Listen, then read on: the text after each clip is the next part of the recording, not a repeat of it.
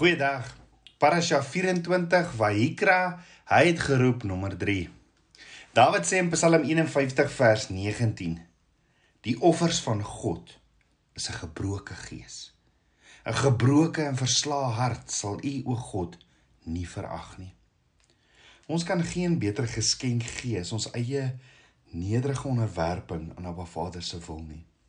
En die woord is duidelik dat Abba Vader behaag het in ons offers. Hy nooi ons om dit te bring en aanvaar genadig genadiglik die geskenke wat hy ontvang van sy kinders. Nou soms is dit vir ons moeilik om dit te glo. Veral as ons hoor wat Abba Vader vir sy profete sê soos vir Jesaja in Jesaja 1 vers 11 tot 13, soos vir Jeremia in Jeremia 6 vers 20, soos vir Maleagi in Maleagi 1 vers 10. Jy sien vandag is daar denominasies wat hierdie teksverse aanhaal om te probeer bewys dat Abba Vader nog nooit die offerstelsel wou gehad het nie. En hoe hartseer is dit? Dan is daar ander denominasies wat hierdie en soortgelyke gedeeltes gebruik om aan te dui dat Abba Vader die offers vir die Israeliete, bedoelende die Jode, as straf gegee het. Dit maak nie sin nie. Want as Abba Vader die offers altyd gehad het, waarom het hy dan die kinders van Israel, al 12 stamme, nie net Juda nie, beveel om dit in die eerste plek te bring?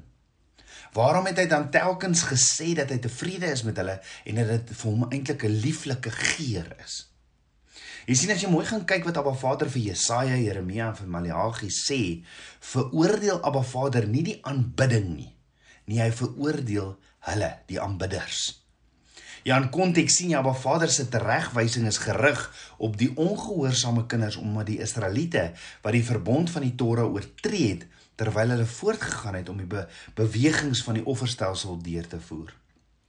Met ander woorde, alhoewel hulle harte ver van Abba Vader was, het hulle voortgegaan om hulle godsdienstige rituele uit te voer. En daarom sê Yeshua ook in Matteus 15 vers 7 tot 8: "Gefeins dit, gefeins dit tereg, het Jesaja oor julle geprofeteer toe hy gesê het: Hierdie volk nader my met hulle mond en eer my met die lippe, maar hulle hart is ver van my af." Nou prakties in vandag se terme wat hulle gedoen het is soos 'n man wat sy vrou slaan en verneek. Maar Sondag sit hy heel voor in die kerk en wil graag kinders van 'n Vader dan ook bedien. En dit kan mos nie. Die godsdienstige ritueel is betekenloos en dit beledig eintlik op 'n Vader. Of veronderstel dat hierdie selfde man nadat hy sy vrou geslaan en haar bedrieg het, pligsgetroue ryke rose rose in haar stuur sal sy bly wees om die blomme te ontvang?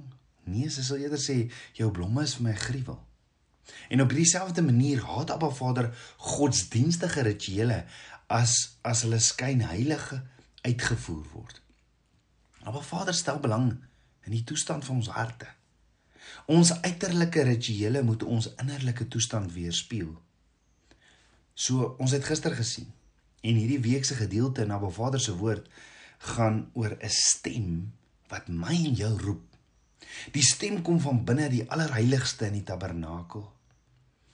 In die allerheiligste van Abba Vader se troonkamer. Want die tabernakel is Abba Vader se afdruk op aarde, nê. Nee. So kan dit dieselfde stem wees wat Adam se naam in die tuin geroep het en gevra het: "Waar is jy, Adam?" Is dit dalk net so moontlik dat hierdie selfde stem my en jou roep en vra: "Waar is jy?" Ja, maar Vader nooi ons sy teenwoordigheid in om heel te word, sodat ons sy weë van genade en wysheid kan leer en ons kan inskryf in sy groot plan van verlossing en herstel na die droom wat hy nog altyd vir ons het. Jy sien, Abba Vader wil by ons wees en hy wil hy wil ons leer om in twee wêrelde terselfdertyd te funksioneer in die geestelike en natuurlike riem. Maar hy weet dat ons sonder sy hulp nie in staat is om die groot kloof wat tussen ons bestaan te oorbrug nie.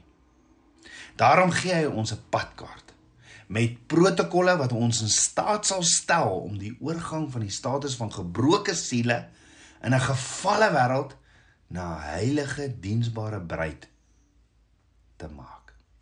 Ja, maar Vader leer ons hoe om terug te keer na hom toe en om hom te nader met toepaslike protokolle of gepaste maniere wat hom behaag.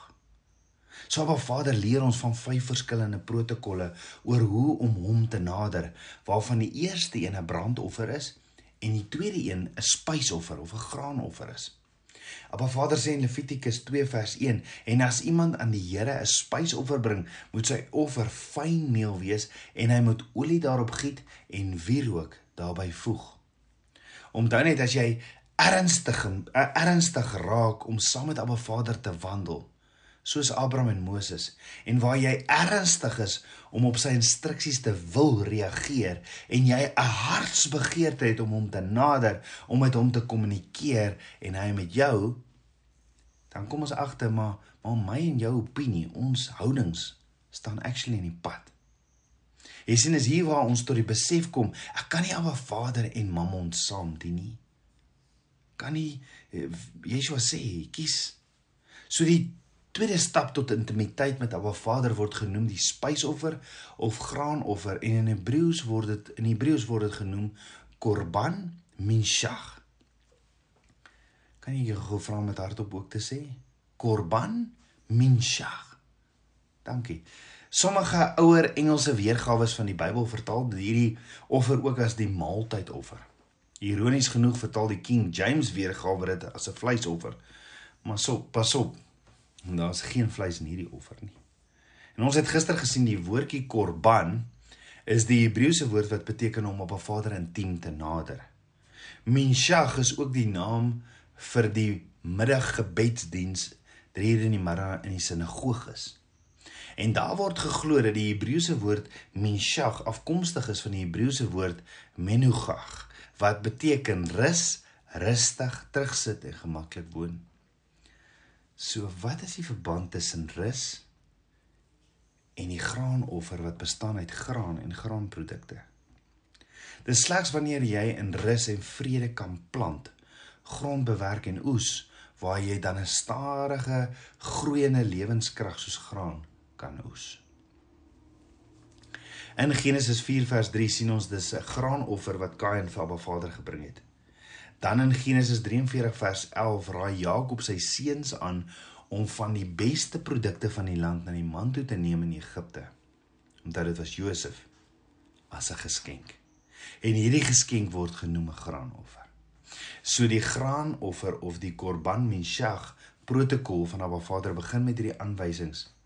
As iemand vir Abba Vader graanoffer bring met sy offer of sy geskenk fyn meel wees en hy moet olie daarop giet en weer ook daarbey voeg. So, hoekom hoekom nog 'n graanoffer met olie daarop gegiet en dan ook wierook daarbey? Wat sal dit beteken? Is daar 'n dieper prentjie wat Abba Vader vir ons teken? Kom ons kyk. Die woordjie minshach is die is is is dis 'n term wat spruit uit 'n volwasse verbondsverhouding. Nou 'n volwasse verbondsverhouding bestaan uit 'n twee verbondsvernote. Dit verwys na 'n vrywillige geskenk wat met soveel entoesiasme en waardering gemaak word deur 'n swakker party in die verbond aan die sterker party in die verbond ter erkenning van al die seëninge, die Shalom vrede en fisiese voorsiening wat die swakker party geniet as gevolg van die deelname aan die verbondsverhouding met die sterker party. Dit is 'n erkenning dat sonder die deelname van die sterker of groter verbondsvernoot gaan van die Shalom vrede of fisiese voorsiening wat die wat die swakker party geniet nie moontlik wees nie. Met ander woorde om met 'n graanoffer, 'n minshach te nader, is om die swakker party se totale afhanklikheid van die sterker party se uitvoering van sy deel van die verbondsonderneming te erken en te verklaar. Onthou nou soos in die geval met die brandoffer, die korban ula, is die nadering met 'n geskenk of 'n offer nie 'n wet of 'n gebod of 'n instruksie nie, maar 'n goddelike uitnodiging. En jy doen dit vrywilliglik. Jy sien Abba Vader weet presies wie verlos is, wie hom wil nader in intimiteit en wat intiem met hom wil kommunikeer. Hy gee vir hulle sy raad en die vreugde van sy teenwoordigheid want hy weet wat die kondisie van hulle harte is. Die een wat ons geskep het, wil hê ons moet hom nader met hom kommunikeer, maar kan dit nie doen selfs nie eers met Moses wat sy vriend is as dit nie gedoen word volgens sy protokol nie. Want sy teenwoordigheid is te heilig. Sy glorie is te gewigtig. Ons kan Abba Vader net nader op sy terme. Sy terme moet ons kan shema en hom toelaat om ons te bemagtig en te leer Jy sien soos die brandoffer het elkeen van die offers wat ons vir Abba Vader bring 'n sekere noodsaaklike protokol vir die erkenning, die ontmoeting en versoening van 'n basiese menslike behoefte.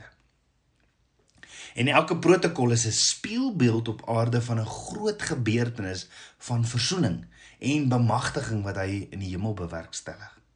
Let wel, Abba Vader, die groter, sterker verbondsvernoot, het nie die graan, die olie of die wierook nodig nie, want alles behoort aan hom. Psalm 24 vers 1.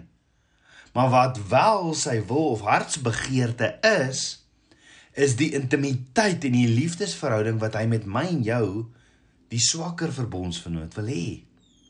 Jy sien Abba Vader weet wat die voorbereiding en die oorgawe van die offer of geskenk aan my en jou doen. Hy wat alles weet, weet dis 'n proses wat 'n behoefte in ons bevredig.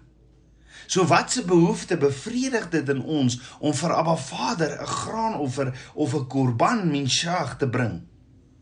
Daar's 'n spesifieke menslike behoefte wat aangespreek word en wat geherstel word deur Abba Vader in die graanoffer en daarom nooi hy ons om dit vrywilliglik te bring. Ja, Abba Vader wil elkeen van ons herstel na die droom wat hy nog altyd vir ons het, maar hy weet dat slegs hy wat in samewerking met ons werk, hierdie herstelwerk kan bewerkstellig. Die basiese menslike behoefte waarvoor die graanoffer of die korban minshag protokol ontwerp is, is om die verhouding wat ons het met materialistiese dinge af te sny. Myn jou verhouding wat ons het met materialistiese dinge, Abba Vader wil dit afsny. Die behoefte vir materialistiese dinge is 'n leen van die vyand. Die vyand jok vir ons deur vir ons dinge daar te stel wat hierdie behoefte skep vir materialistiese dinge. Abba Vader nooi ons om hierdie offer vir hom te bring sodat hy hierdie leen of behoefte in ons vir materialistiese dinge aanspreek en om ons te versoen. So dink daaroor. Wanneer het ons die materialistiese dinge van die wêreld begin verkeerlik gebruik? Dit begin misbruik en en selfsugtig daarmee te werk begin gaan. Wanneer het dit begin? In die tuin van Eden. Adam het aanvanklik geweet wat alles is en waarvoor dit geskep is.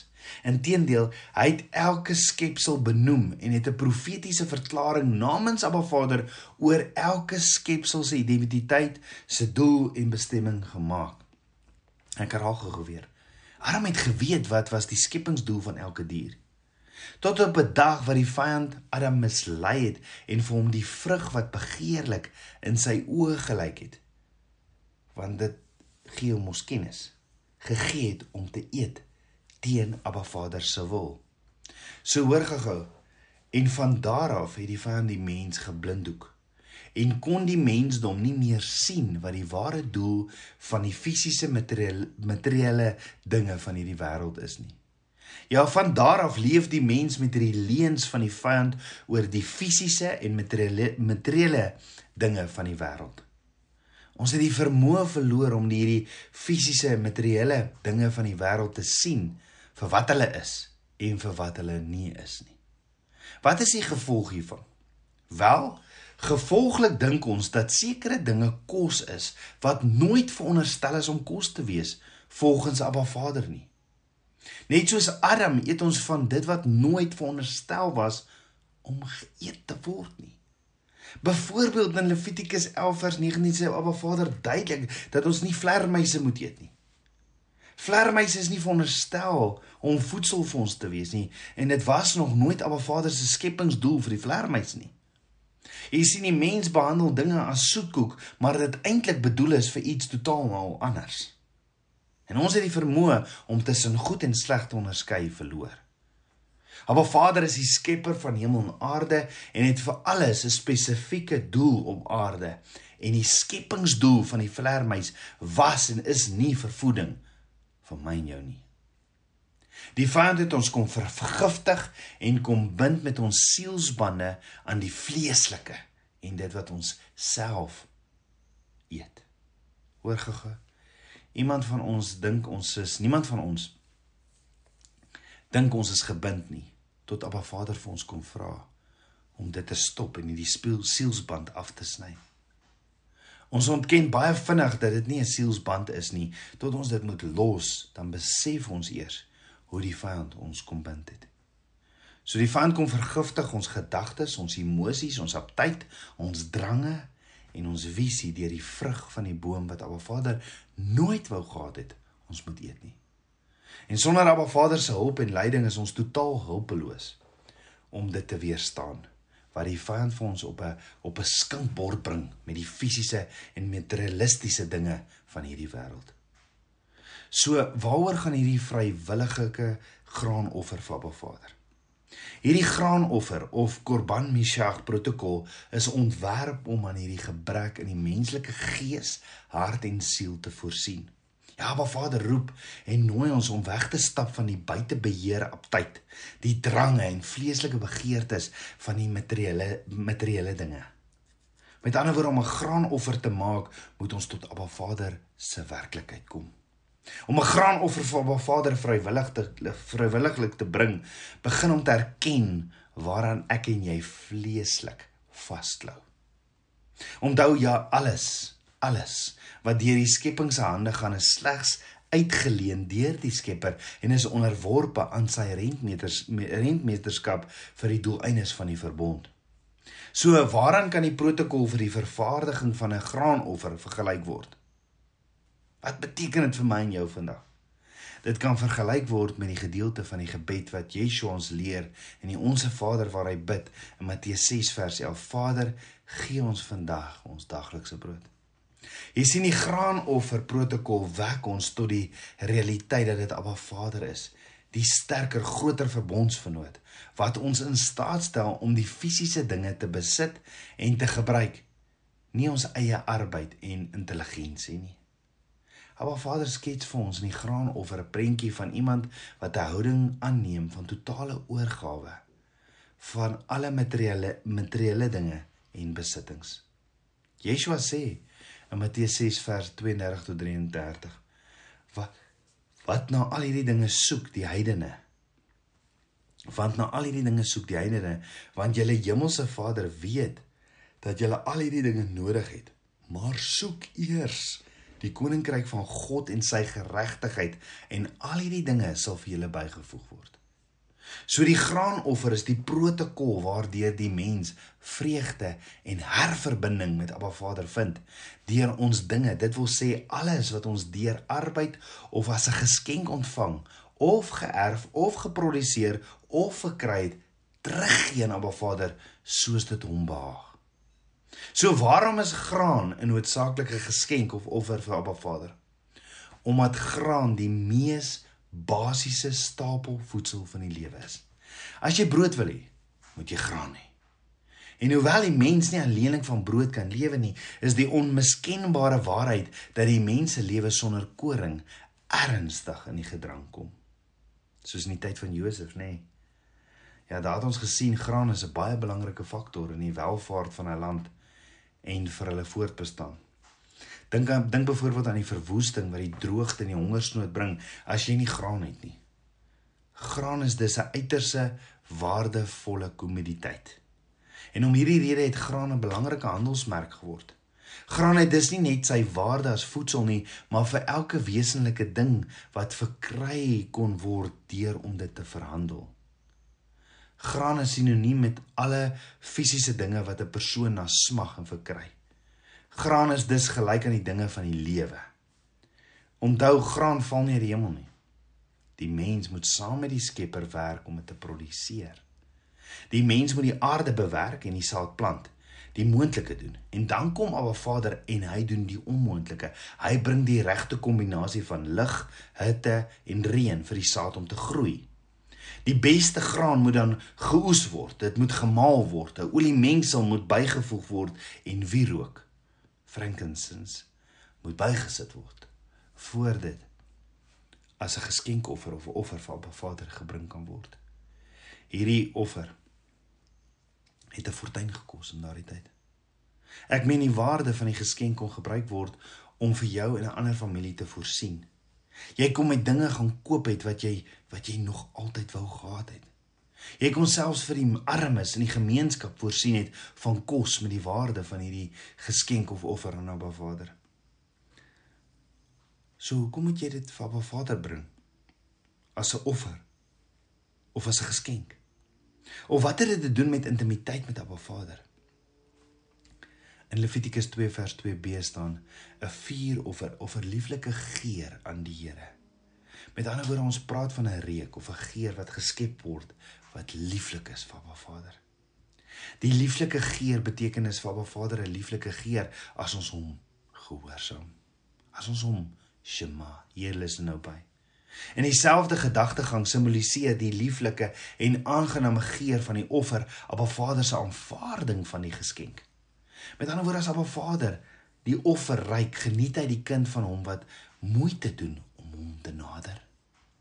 So die graanoffer is die toets of ons Abba Vader sal shema bo ons vleeslike of materiële behoeftes.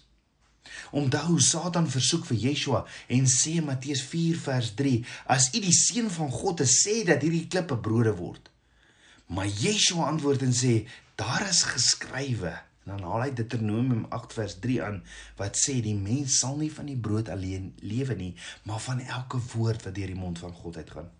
So in die graanoffer van Baba Vader leer ons dat al ons arbeid en kreatiwiteit en alles wat ons produseer waardeloos is. Selfs gevaarlik is. As ons nie alles na Baba Vader kan toewy en geheel en al aan sy wil kan onderwerp nie. Jy sien niks moet tussen my en Abba Vader wees nie en ek ek moet dink enige iets kan opgee as hy so sê om sy wil te doen moet moet moet altyd ons uiteindelike bron van plesier bly. Hoe meer liefde ons het vir die dinge van die wêreld, hoe minder het ons Abba Vader lief. So dink daaroor. Hoekom verwerp mense wat beweer dat hulle totaal al toegewys aan Abba Vader die instruksies van hom ten opsigte van dinge soos wat ons mag en nie mag eet nie of wat ons mag en nie mag doen met ons materialistiese dinge. Die antwoord is omdat ons kinders van Adam en Eva is. Wat was die kern van Adam en Eva se versoeking en sonde? Dit was die wenslikheid vir die vrug, 'n vorm van die graanoffer wat aan Adam en Eva 'n passie gewek het en wat swaarder geweeg het as hulle toewyding aan die woord van Abba Vader. Ja, hulle het opgehou om om na al die menige dinge te kyk. Hulle het opgehou om om na al die menigte dinge te kyk wat Abba Vader wel vir hulle gegee het om te eet. En na die droom wat hy nog altyd vir hulle gehad het. En gekyk na hierdie vleeslike behoeftes. En laat dit nie so met ons wees nie.